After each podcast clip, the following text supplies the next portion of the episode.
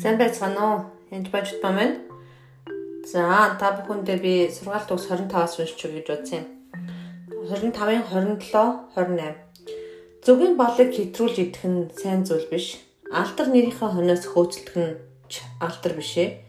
Өөрийнхөө сүсийг захирдгүй хүн бол эргэн тойрондоо хэрэн босгоогүй нурсан хот буюу.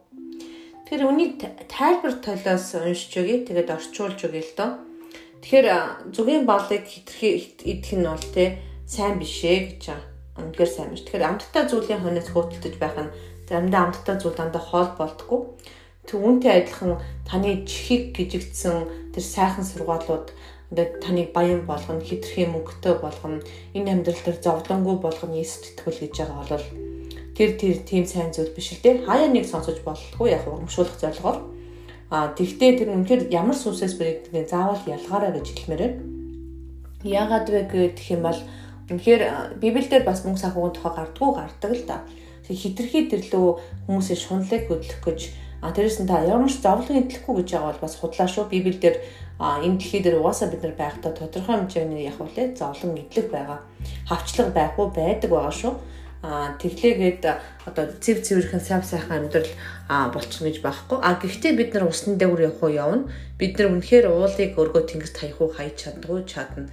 Асуудлуудыг үнэхээр чөтгөр чиний уулд гიშгдэггүй гიშгдэнэ. А тэр нь болохоор одоо сул дорой бай гэсэн үг ерөөсөө биш шүү. А нөгөө тал дээр нь болохоор та өөрийнхөө алдрын хойноос хөөцдөх нь тийм алдартай сайхан зүйл биш ээ гэж хэлж байгаа. Тэгэхээр ялангуяа итгэвч бид нар одоо алдартай болохоор ч юм уу эсвэл одоо ялангуяа бэлэг авяас ихтэй болохоор эсвэл алдартай пастор болохоор ч гэх юм уу олонний танил болохоор ч юм уу өөрийнхөө алдын хонос явах аюултай байдаг учраас байнга зүрхээ шалгаж хэрэгтэй. Ялангуяа бэлэг авяастай хүмүүс яагаад вэ гэвэл хүмүүс таны араас яг үлээ ирдэг байгаа. Уг нь бол бөө лам дээр биш итгэгч нар хаана вэ гэж хайгаад явж явах ёстой л доо. Хамсалтай тийм биш байж тэр бүгдээрээ тийм болох хэрэгтэй. Нүгөө итгэгч нар чинь хаана вэ? Эдгээлх гэсэн чөлөөлөх гэсэн би ч гэсэн итгэгч болж болох уу? Наад ариусч чи яаж ажилтгийг гэж асуудахаар бид нар хүчтэй байх ёстой гэсэн үг. За 28 дугаар ишлэлийг харах юм бол а энэ дээр болохоор өөрийгөө өөрийнхөө сүнсийг захирч чадахгүй хүн гэж бол а яг одоо тийм хан хэрэмгүй хоттой адилхан гэж хэлж байгаа. Тэгэхээр тэрийг орчуулах юм бол сайн тайлбар төлөөс харах юм бол өөрийнхөө сүнсийг юунд захиж чаддгүй гэхээр асуудал болоход ямар нэгэн асуудал буюу тань тань руу одоо дайлт орж ирэх А тэгэхээр хот зүгээр үедээ хан хэрэмгүй байхад зүгээр үедээ ягчгүй. А гэхдээ хан хэрэм юунд хэрэгцээтэй байдаг вэ? Дайрал буй хамгаалтанд хэрэгцээтэй байдаг. Тэр ямар нэгэн хамгаалтгүй болчдөг хан хэрэм нураахад. Тэгээ дээр үеийн хотууд ялангуяа эртний хотууд дайснаас хамгаалахын тулд маш өндөр хан хэрэмтэй цамхагтай тэр хэцүү байдаг байсан байгаа. А тэгвэл үүнтэй адилхан сүнсээ захирч чаддгүй хүн бол өөрийнхөө сүнсийг хянч чаддгүй хүн бол яг янз бүрийн дайлт орж ирэхэд temptation буюу янз бүрийн одоо хатгалаг ургалт орж ирэх юм бол жишээл таны одгийн хар тамхи таатыг эсвэл одоо завхаар эсвэл одоо би би цөмдөө явахаа боли уу иди найрлыг цэнгээ гэдэг ч юм уу эсвэл нь зүгээр л одоо хүмүүст уурлах гомдох янз бүрнүүд орж ирэх юм бол хатгалаг орж ирэх юм бол бид нэр өөртөө өртөждөг байж байгаа. Тэгэхээр сүнсээ захирч чаддаг болохын тулд гэдэг чинь а тийм чаддгүй хүн бол хамгаалтгүй хүнтэй адилхан гэсэн үг. Тэгэхээр ариун сүнс бол биднийг хамгаалж эцсийн өдөр хүртэл хамгаалсан байна. Тэгэхээр таны сүнс ариун сүнстэй нийж гэмээр та сүнсээ удирдах чаддаг болж байгаа. Ягаад гэвэл бидний сүнсийг удирдах гэдэг бол бидний тагтлагааг удирдах гэдэг бол танаас үнэхээр өөрөөс нь шаард хүч гардаг. А гэтээ энэ бүхнийг ариун сүнстэй хамт хийхгүй бол энийг удирдахад маш хэцүү байгаа. Тийм учраас үнэхээр та эзэн дотор бууж үж ариун таны сүнс ариун сүнстэй нийлэх явдал чухал. Тэгвэл таны сүнс маш хүчтэй болдог таны дотор хүн хүчтэй болдог болж байгаа. Тэр яг хамгаалттай хот шиг болдог гэсэн үг. Үнэхээр бузар сүнстэй арихад гэсэн та хамгаалагдсан гэсэн үг. А түнчлэн бас янз бүрийн темпташн буюу янз бүрийн хатгалаг урвалтууд янз бүрийн хатгалагууд орж ирэхэд бол та тэрэнд өртөхгүй байна гэсэн. Тэр аюун бодлоо ч гэсэн та хамгаалж чаддгаа гэсэн.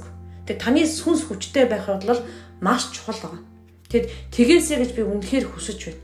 Тэр үнэхээр хамгаалагдсан хот шиг байхын тулд таны та сүнсээ удирдах захирч чаддаг байх хэрэгтэй гэсэн үг. Тэгээ эцэст нь та бүхэнд Лук 14 14-ыг уншиж өгье. Харин та нар та найр хийхдээ ядуу эсвэл тахир дутуу хазгар доглон сохор хүмүүсийг өөр тэд танд хариу барьж чадахгүй тул та өрөөгдөх болно. Учир нь гэвэл зөвхт хүмүүсийн амьдрал дээр хариуцсан тал төлөх болно гэж хэлж байгаа. Тэгэхээр энэ энэ үгийг яагаад хэлж байгаа гэхээр та үнэхээр өрөөгдөөсөө энэ хүмүүс наадмын үеэр болон амралтын үедээ туслаасаа гэж хүсэж байна. Үнэхээр та ямар хүн туслаасаа гэвэл танаас хариу нэгтгүү хүмүүст ядуу эсвэл тахир дутуу хазгар доглон сухар хүмүүсийг чимээгүй туслаасаа гэж хүсэж байна. Яг бол таны эзэн таныг юу хийж байгааг харна, шагналын дээр болно. Та өмнөө бүтий бүрээ үлээ. А тийм учраас аль болох чимээгүй туслаасаа хүсэж байна.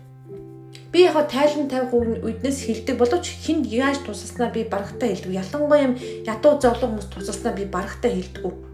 Яг тусалсан л гэж хэлдэг болохоос хинд хідэн дөрөөр яаж тусалсныг хэлдэггүй нууцаар тусалдаг. Харин ахлагч ч юм уу сайн мэдээнд явсан аянгаа бол байран зарладаг. Тэр нь ядвал хүмүүсийг урамшуулах зорилготой. Харин яг эдгээр хүмүүс баруун гарынхаа зүүн гар төгсөж бүх хийл гэж байгаа. Тийм учраас энэ цаг мөчид та бүхэн бас сайныг үлдэгдэн гэж та бүхнийг уриалж байна бас. Түүнхээр таны сүнс хүчтэй байх болтугай, та үнэхээр сүнсээ захирдаг байх болтугай, та үнэхээр тэр ерөөлийг дээр авахын тулд үнэхээр эдгээр зүйлсийг үлдэх хэрэгтэй. Гэхдээ ерөөл хайж битгий үлдээсээ чин сэтгэлээсээ эдгээр хүмүүс туслаасаа гэж хүсэж байна. Тэгэд үнэхээр та сайн хурш байгаараа Назар Есүс Христийн нэрээр сонсогч бүрийг та босгон байгуулж өрөө. Нэгүслээр дүүргэж өрөө эзэн. Есүс Христийн нэрээр. Амен.